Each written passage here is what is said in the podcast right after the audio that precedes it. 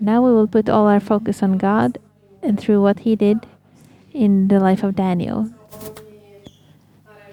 So if you have your Bible with you, it's in the book of Daniel that we will be. And only one Bible passage from another place, but there's enough material here in Daniel. There's a lot happening in the, the book of Daniel. It's one of the prophetic books. It comes after Ezekiel. After Isaiah, Jeremiah, Ezekiel, and then Daniel.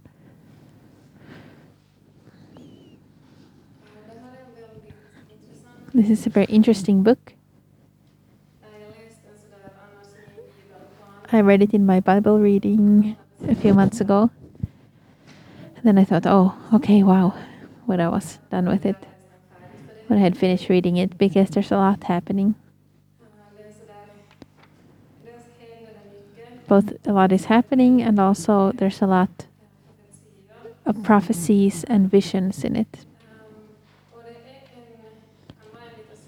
And it can be a book that is hard to place. It's among the prophets where it probably belongs, but it also has historical and prophetic um, features. Historical because it tells a lot about what happens. This happened and then this happened. And it's also interesting because it's written in two languages, in Hebrew and Aramaic. And you can also call it um, that it's a bit like the Revelation in in uh, the Old Testament, in the New Testament. The last six chapters, especially. And also Jesus, when he talks about the end times, he refers in Matthew 24 to that, the book of Daniel and one of his visions. And it was a bit funny when I went back to this book of Daniel. Because we had recently a camp. And for the kids, we had Joseph as the topic, so we talked about, a lot about Joseph then. Otherwise, when you ask the Sunday school kids, who was this? The answer is usually Jesus. The first answer to everything. 90% of the cases. Yes, Jesus in some way, yes. But now one of my sons had another one that everybody was Joseph to him. So if you talked about somebody from the Bible, he said, Yes, that was Joseph. You're like, No, not this time. So we watched, uh, we looked in a in a picture book Bible, and there was a, a picture there of Daniel. And my son said, Oh, was it him with the dreams? And I understood what he meant, Joseph. And I said, No, it wasn't him. You're thinking of Joseph. Because that's what he was doing. But at the same time, it was not completely wrong because there's a lot of dreams. Dreams are both being interpreted, and Daniel himself sees dreams and visions. So there I was actually wrong. Daniel really was the one with the dreams. And we will be focusing on the first six chapters, five of those chapters. You can divide it a little bit different, differently. 12 chapters are midway, chapter 1 to 6 are about Daniel who is uh, interpreting other people's dreams and these miracles that are happening. The first six chapters are written in third person. It's about uh, the present time for him, and it's a long time. There are three different kings during this time. And then the later six chapters that I hope we can come back to some other time are more about Daniel's prophecies, dreams, and visions, written in first person. And it's about the future. And the future is uh, has a little bit um, in of it in the first six chapters also. So, what happens here in the beginning of the book of Daniel is the first captivity of the Jews from Jerusalem. And this first time they, that they take people away, they took the best in the country to undermine those who remained. And also to have as good, um, that they could make the best of the people they took. So, four people of these people who were being taken captive and taken to Babylon was Daniel and three of his friends Hananiah, Mishael, and Azariah. And this says something about how they have grown up. Hananiah means God is merciful. Mishael means the one who belongs to God. And Azariah means that God has helped. And they belong to the tribe of Judah. And at this time, before the captivity, God's word was very strong there. They had returned to God's word. God's word was being read out loud. And it had become familiar to them in their childhood. And we can read this between the lines in what happens. And a lot of things here happen, but I will focus on Daniel and the life of his friends and what happened to them, how they reacted to it, and in what way they lived with with purpose and and passion in in their lives. And a lot of other wonderful things also happen. For example, I can recommend that you read in your own time chapter 4 when King Nebuchadnezzar uh, repents is very beautiful because he he very suddenly has to to uh, humble himself before God. And what I like about that is that he realizes this and God restores him and it's very beautiful to read. But I will leave that out of this, but it's very nice, so I recommend that.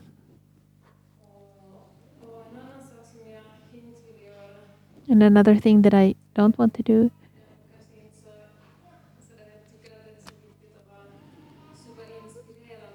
I don't think I think this story is very inspiring in itself. So there are two ditches here that you idealize Daniel and portray him as the perfect person who never did anything wrong. And you go away thinking that Daniel was perfect. And I can never live up to that. And the focus becomes on him. Or then the other ditch. Um, maybe not so much in the book of Daniel, but with other people in the Bible that I think when they show human sides, you throw yourself over that and say, think, how can they say this or do this? Because they are human. Just like you and me, they also struggled with this humanity and obey God and not fall for what you're naturally drawn to. So I want us to come away from here and think about partly that Daniel, it says about him in the Bible that that he can be and uh, something we a role model to us, but but he had a great God, and he learns to trust this great God. So the great thing is what God did in his life.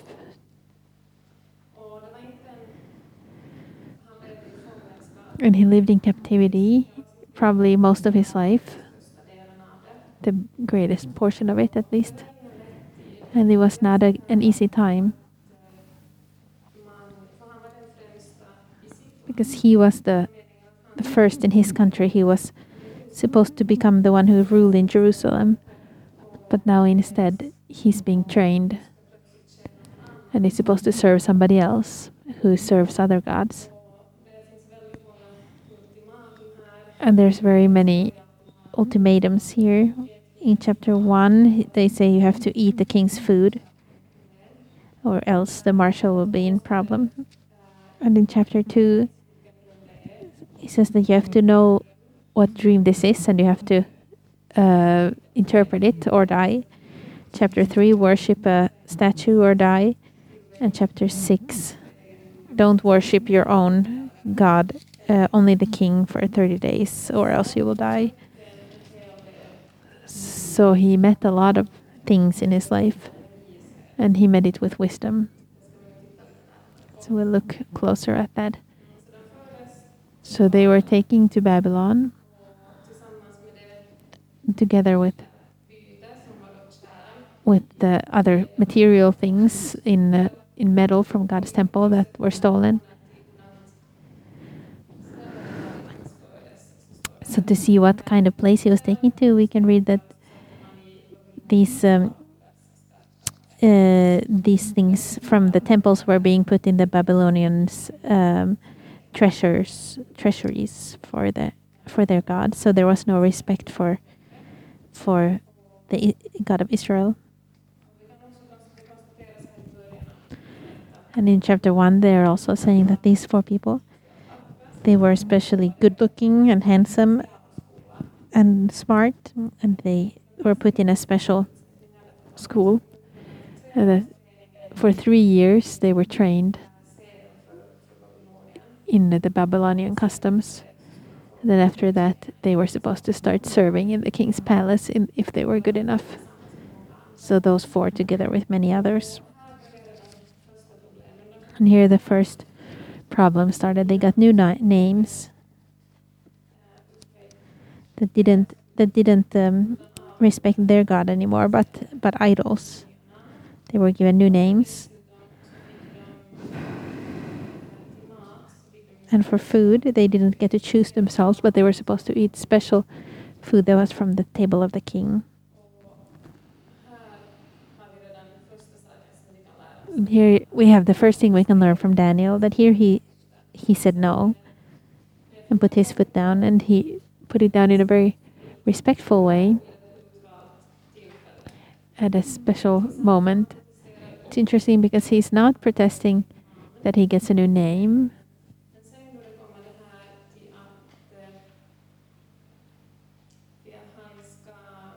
But then when he's being asked to to defile himself with food, it's in verse 8. And then verse 12 to 13. In verse 8 it says that Daniel resolved not to defile himself with the royal food and wine. And he asked the chief official for permission not to defile himself in this way.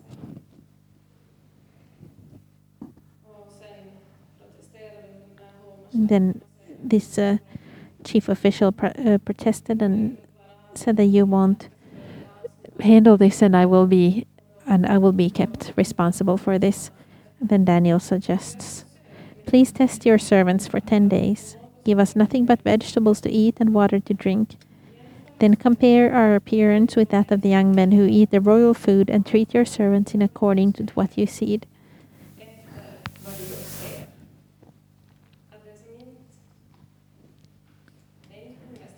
So he's not hunger striking,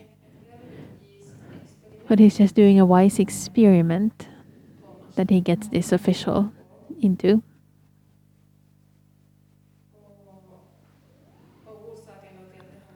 And the reason why this was important to Daniel was that partly this food had probably been sacrificed to idols and then uh, defiled in that way. And then also it, it maybe didn't follow the, the dietary rules that the Jews had. So then it was easier for him to choose vegetables and water because they could handle the dietary restrictions that way and also because vegetable and water that was not the best food so they didn't sacrifice that to the idols so you see how daniel chooses not to um, not to do what the world does but has, has he had the integrity the standard for his life that he knows what he wants to do and what he doesn't want to do. He said, Okay, you can give me a new name according to these idols. You can call me whatever I want, but I know who I am. I know what my name really is. But then when they try to give something from the outside, like food, Daniel knows is against what God's commandments say.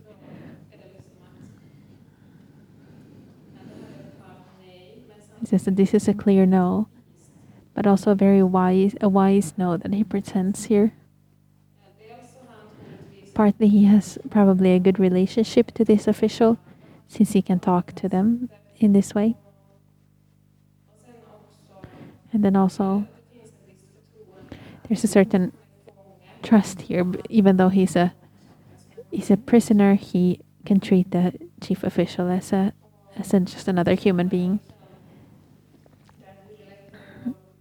And in our culture, it's not easier, but in our jobs, in our studies, in our families, we have this daily choice that I know what God's commandments are in this situation. Do I choose to do this actively, to follow? And how can I make that active choice in a respectful and human way? Another thing you can ask yourself here is perhaps you remember what Stefan was talking about last week. That when things happen to you, you have this choice to either focus on what has happened and why did this happen to me? How could God allow this? Or to just go into this situation and receive it in the best way and act in it in the best possible way. And here we also see it doesn't say so outright, but but he was still uh, important to Daniel in in um, captivity to follow God's commandments.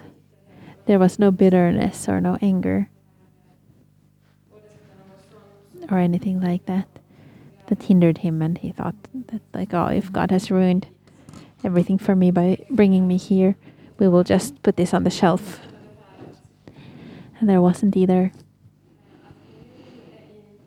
this thought that now is not the best time and place for this. I don't want to serve Babylon. I know that they don't respect you, God, so I choose to not serve them. And he didn't take this this uh, option either in his life.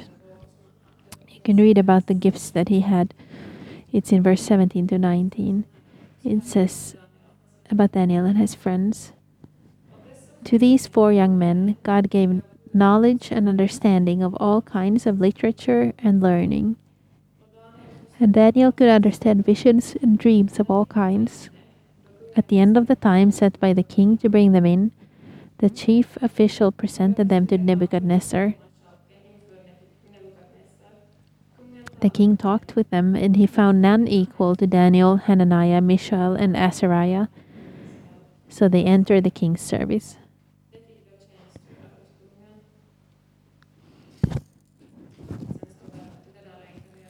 Further down, it says that he, the king, thought that he, they were ten times more wise than any anybody else who served the king.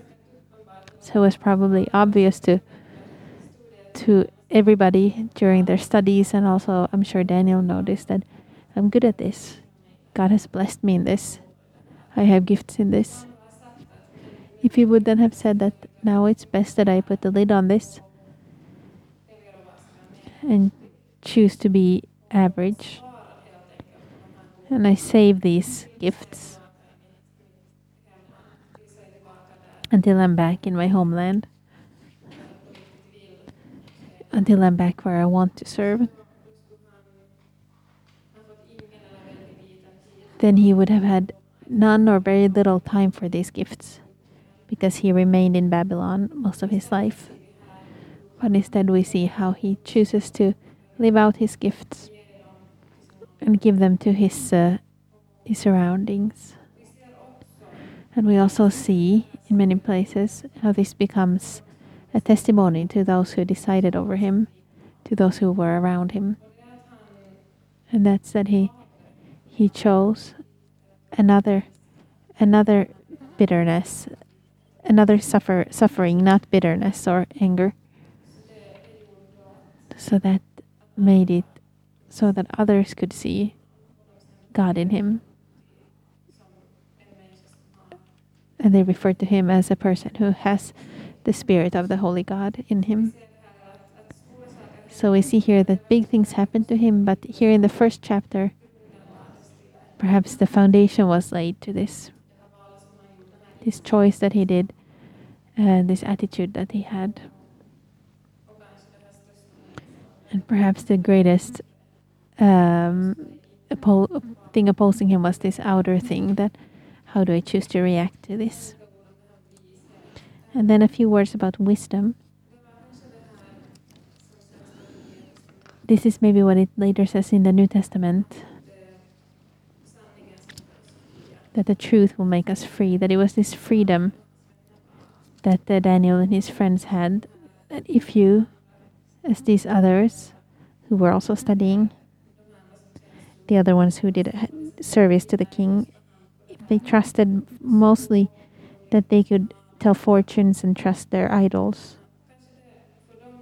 Maybe to them it was with fear that they didn't really know what was going to happen. They had this perspective that anything could happen now.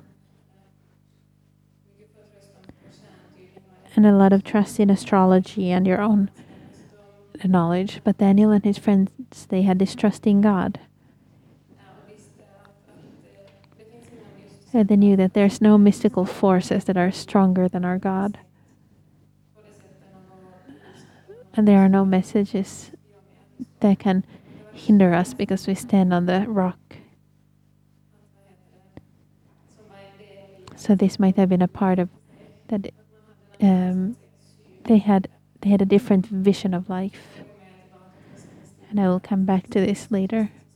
That as Christians we should be we should be careful with our attitude and our vision that we have in for life. And what I can remember about this with serving people is that it, it's not really about who you are serving, but the reason why it's important how you do it is uh, because we do it to God. If you turn to Colossians 3:23,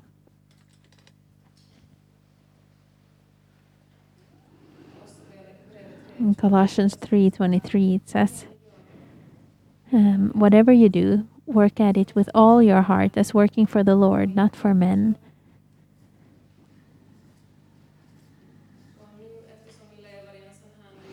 And since we live in a in a stronger and faster and better culture that we do, so that when we say what we do, we do to the Lord, sometimes we rest for the Lord. That's also a commandment from the Lord. To one day a week belongs to the Lord, and that's a day of rest. And it's not really about always doing a little bit more, but it's about your attitude while you're doing this task. What attitude do you have towards them that you are doing this task with? And how can I do this by being a witness to others? It's hard to think about all the time, but when you grow in holiness, as we're talking about in this series, it, it becomes more and more natural to make these choices. And you also see this thing with Daniel, how he never goes into full confrontation or war against the culture of the Babylonians, other than when it has to do with worshipping idols. He knows where his limit goes. If they choose their idols or a name for me, they can do that, but I have decided that I will not worship idols. And that's his challenge then in these later chapters. But here we see that it's not really about what he's against, that he's against these people or against uh, these things, but he's serving and shares his gifts with them. But to Daniel, it's about uh, the God's commandments. So that's why it's not a question that should I should I accept this or not. When it's about what the Babylonians are demanding from me, or something that I know is is in uh, against God's commandments, then he knows right away. This is my choice, and his friends also know that this is what we choose. And we also see that he was respected by authorities. There were three different kings. The last of them, for example, deposed some another one of them. And and still he remained in a high position and, and he was appreciated by the others. We will go back to now to the book of Daniel and what happened there. So Daniel has become chosen. He has a position. And then in chapter 2, it happens that the king has a dream. And he asks uh, people to not only interpret it, but also to tell him what kind of dream was it. If they if they can't do it, then the king starts from the beginning. All the wise men go away and are supposed to be changed up with new ones. And here we see again what Daniel and his friends do. They turn to God in prayer and ask for this. And then they are being given the interpretation to this dream. I mean, the king got his interpretation and is calm. And it was true, the, the dream. And later on, inspired by this dream, which was about the statue that was in different layers, inspired by that, um, somebody makes a statue of gold, and in chapter 3 says that everybody should fall down and worship this statue. Otherwise, you're being thrown in a fiery furnace. In a very in a short way, these situations I want to mention. Also, in these difficult moments, you can show trust and gratitude to God. And I think that's very uh, uh good to notice that Daniel does. He gathers his four friends and he says, Now let's pray. Then during the night, he gets the interpretation of the dream. And when he has received it, he turns right away to God in gratitude. And we can read here in the book of Daniel 2 20 to 23. This is what Daniel says to God after he has received this vision in verse 20 to 23. Mm. Praise be to the name of God forever and ever. Wisdom and power are His. He changes times and seasons. He sets up kings and deposes them. He gives wisdom to the wise and knowledge to the discerning. He reveals deep and hidden things. He knows what lies in darkness, and light dwells with him. I thank and praise you, O God of my fathers. You have given me wisdom and power. You have made known to me what we asked of you. You have made known to us the dream of the king.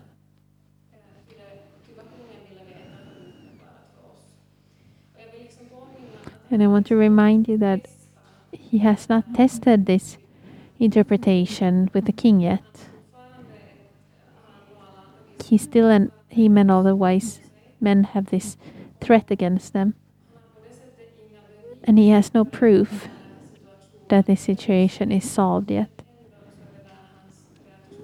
But still, his reaction is this, and it says something about his trusting God. That he doesn't have any proof. He doesn't know yet how it's going to happen for him, but he's still very thankful because he knows God. And he knows that God has spoken and he has given us a solution. And I want to encourage, because sometimes it feels the same to us. that you're filled with gratitude. But if you uh, let your cynical side take over, then you start thinking that, like, what am I really thankful for? You're very sure that a solution will come. But if you let yourself be cynical, then then it becomes, uh, oh, I'll just wait and see.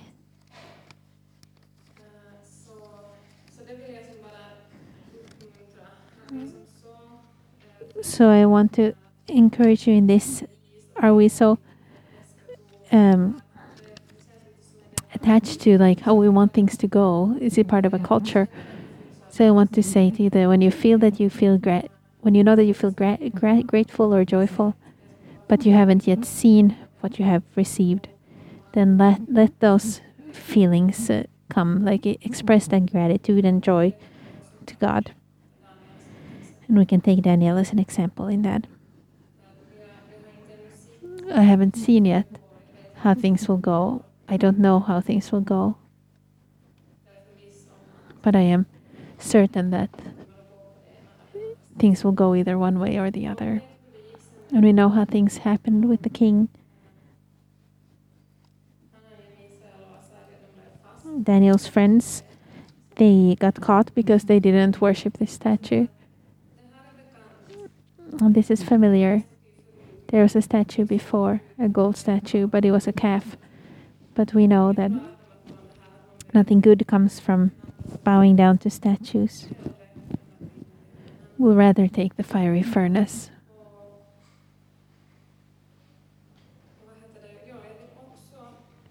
And I want to also read what this attitude that his friends had in chapter 3, verses 16 to 18.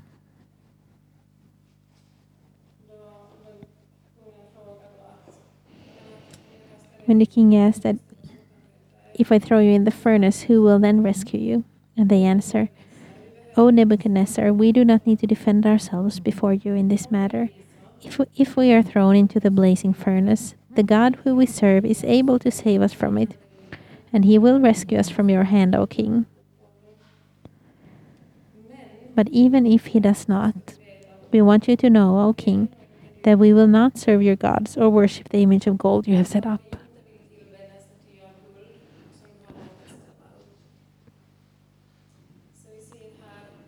So we see here how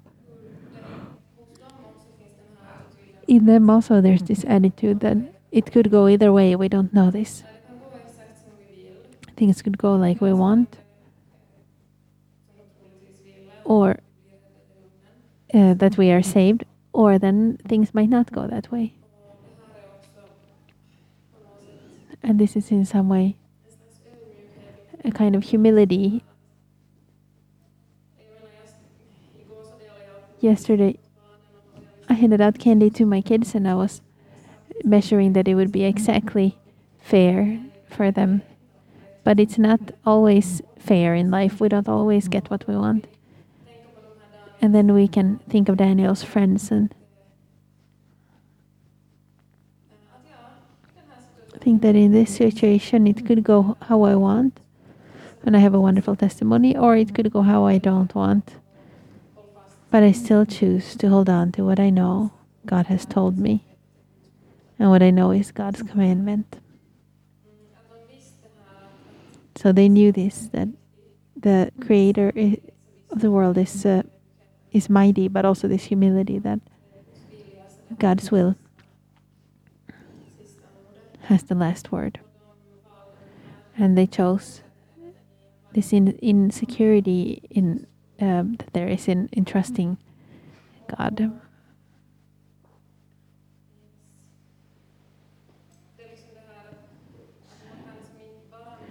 So you can't only measure uh, what God does in your life in the blessings that He has given. It's great to be blessed by God, but but you can't let that be the only uh, only way you see God's hand in your life. And we see that very strongly in their attitude here that they are open to. Even though things didn't go the way we wanted it to, we still won't go against God's commandment. And we can see here how things went for them. That they they got out of the fire. And I won't read so many details here, but and but the the, ropes around them got burned up, but not a hair on their heads was was um, hurt. Even though the oven was seven times stronger, and the king saw the angel walking around there in the fire. Uh, or a version of Jesus, perhaps, inside there with them. And when he called Daniel's friends to come out from there, he said that the servants of the highest um, come out. And then the king said that nobody could ever talk bad about this this God. And it's something an attitude that God can can do. He can show his power. It's not an attitude that you can get just by winning an argument or something. So there we can also get some debates are really good, but debates made in, in love are the best ones.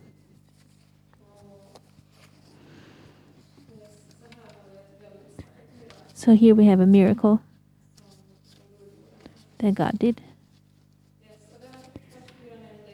Here in chapter 4, I already mentioned, you can read it. I won't read it now, and it's written in in as like I did this and I did that, and probably because it has become generally known like a statement. It had been written down and putting up everywhere so that people could read it, and it's here in chapter four. That's why it's it's in first person here. His testimony. How he thought he was the greatest and mightiest, but then he had to bow to the one who was greater and mightier. And in chapter 5, mm, or some heavenly graffiti, we have a new king who throws a great banquet, Belshazzar. And he throws a banquet and shows his pride in two ways. Both he uh, he trusts that the that the people who are trying to take over the city won't won't come in through his walls, and also he brings in these uh, the gold and silver goblets from Jerusalem to be used uh, in this party. And what then happens is that a hand writes something on the wall, and they call for somebody to interpret it, and Daniel comes and he interprets it right away and a new king comes the same evening, just like he said.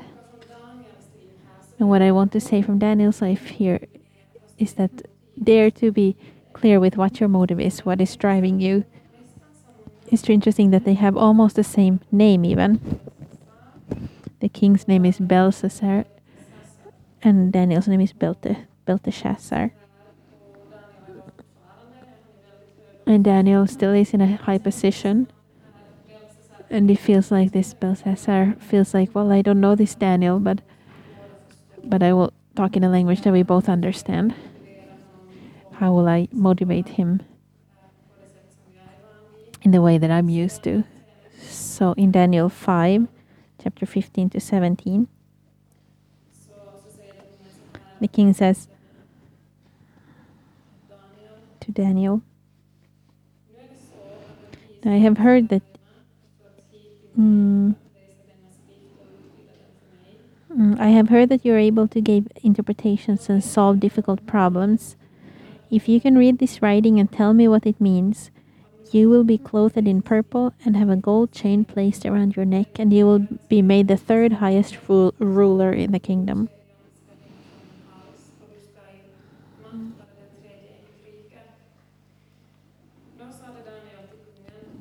Then Daniel answered the king, You may keep your gifts for yourself and give your rewards to someone else. Nevertheless, I will read the writing for the king and tell him what it means. So we see some of Daniel's integrity, probably partly because it was a very harsh judgment that he was going to give to the king. And maybe because of that, he didn't want to.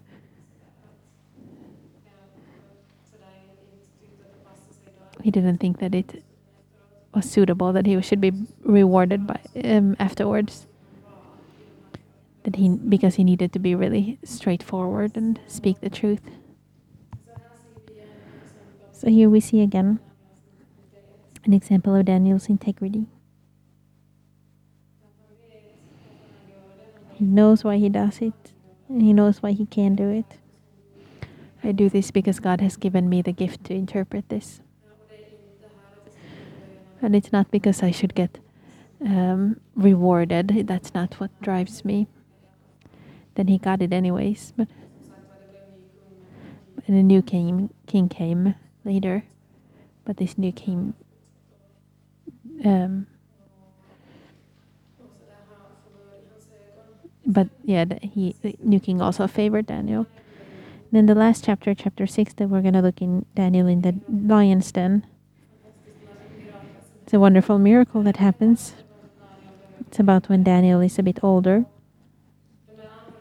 and the others around him try to become what he was, and were maybe a bit tired of his uh, him, and thought that the time of Daniel is gone and our time has come. So they're trying to remove him in some way. They didn't want to have him there anymore. They're trying to take him away. But there was no way because he lived such a life that they didn't have anything to accuse him of. But they knew that there's one thing where we can get him. There's one thing that he doesn't uh, bend to, and that was his faith. His faith in works. And we can both see it as a lesson to live um, live a, a clean life, and also that others maybe have, or sometime in your life will try to use your faith against you like they tried to do here for Daniel. But don't be afraid of that, but just trust that what gives you strength will not become a weakness just because people are trying to use it as a baseball bat against you. Mm. And what's your strength cannot be used against you and hold on to to your gifts. So they made a trap for him. So that you can't worship God anymore, only the king for one month. And all other gods are are uh, prohibited. And Daniel 6 10 to 11.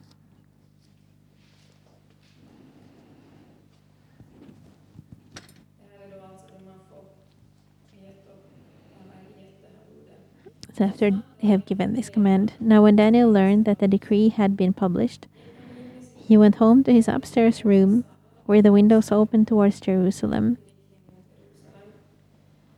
Three times a day he got down on his knees and prayed, giving thanks to his God, just as he had done before. Then these men went as a group and found Daniel praying and asking God for help.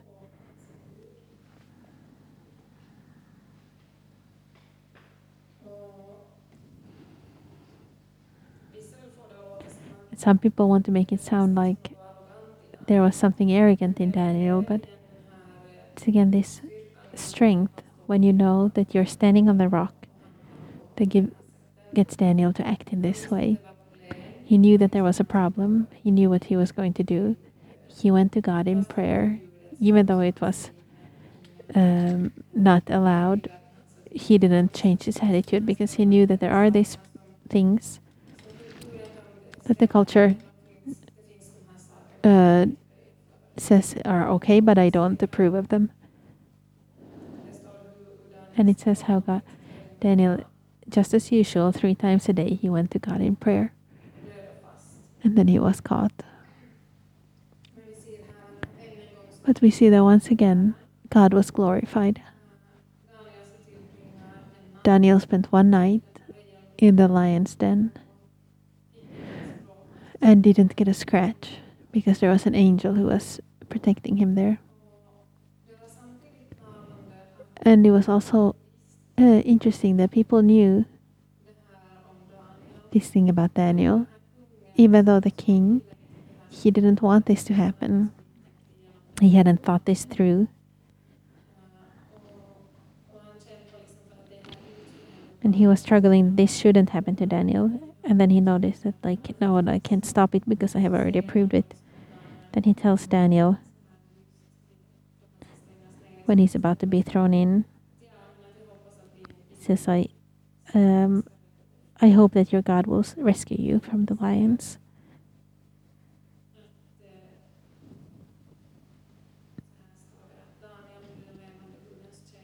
It says, uh, and then when he comes and picks him, checks if he's alive, he says that um, Daniel, servant of the living God, has your God, whom you serve continually, been able to rescue you from the lions? When he comes in to get Daniel out of the lion's den. And there we also can see that when others notice that we put our trust in God, it's a little bit that other people can also try to trust God through us, and then later on personally.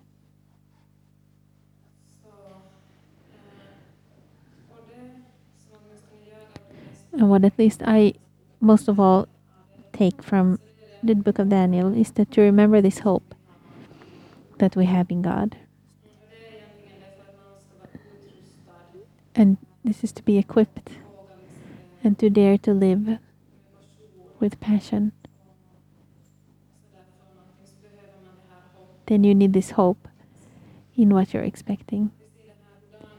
And we see how Daniel and his friends they had the faith and hope and trust in who God is and who God wants to be in his life. There probably wouldn't have been this um, courage to do it without this hope.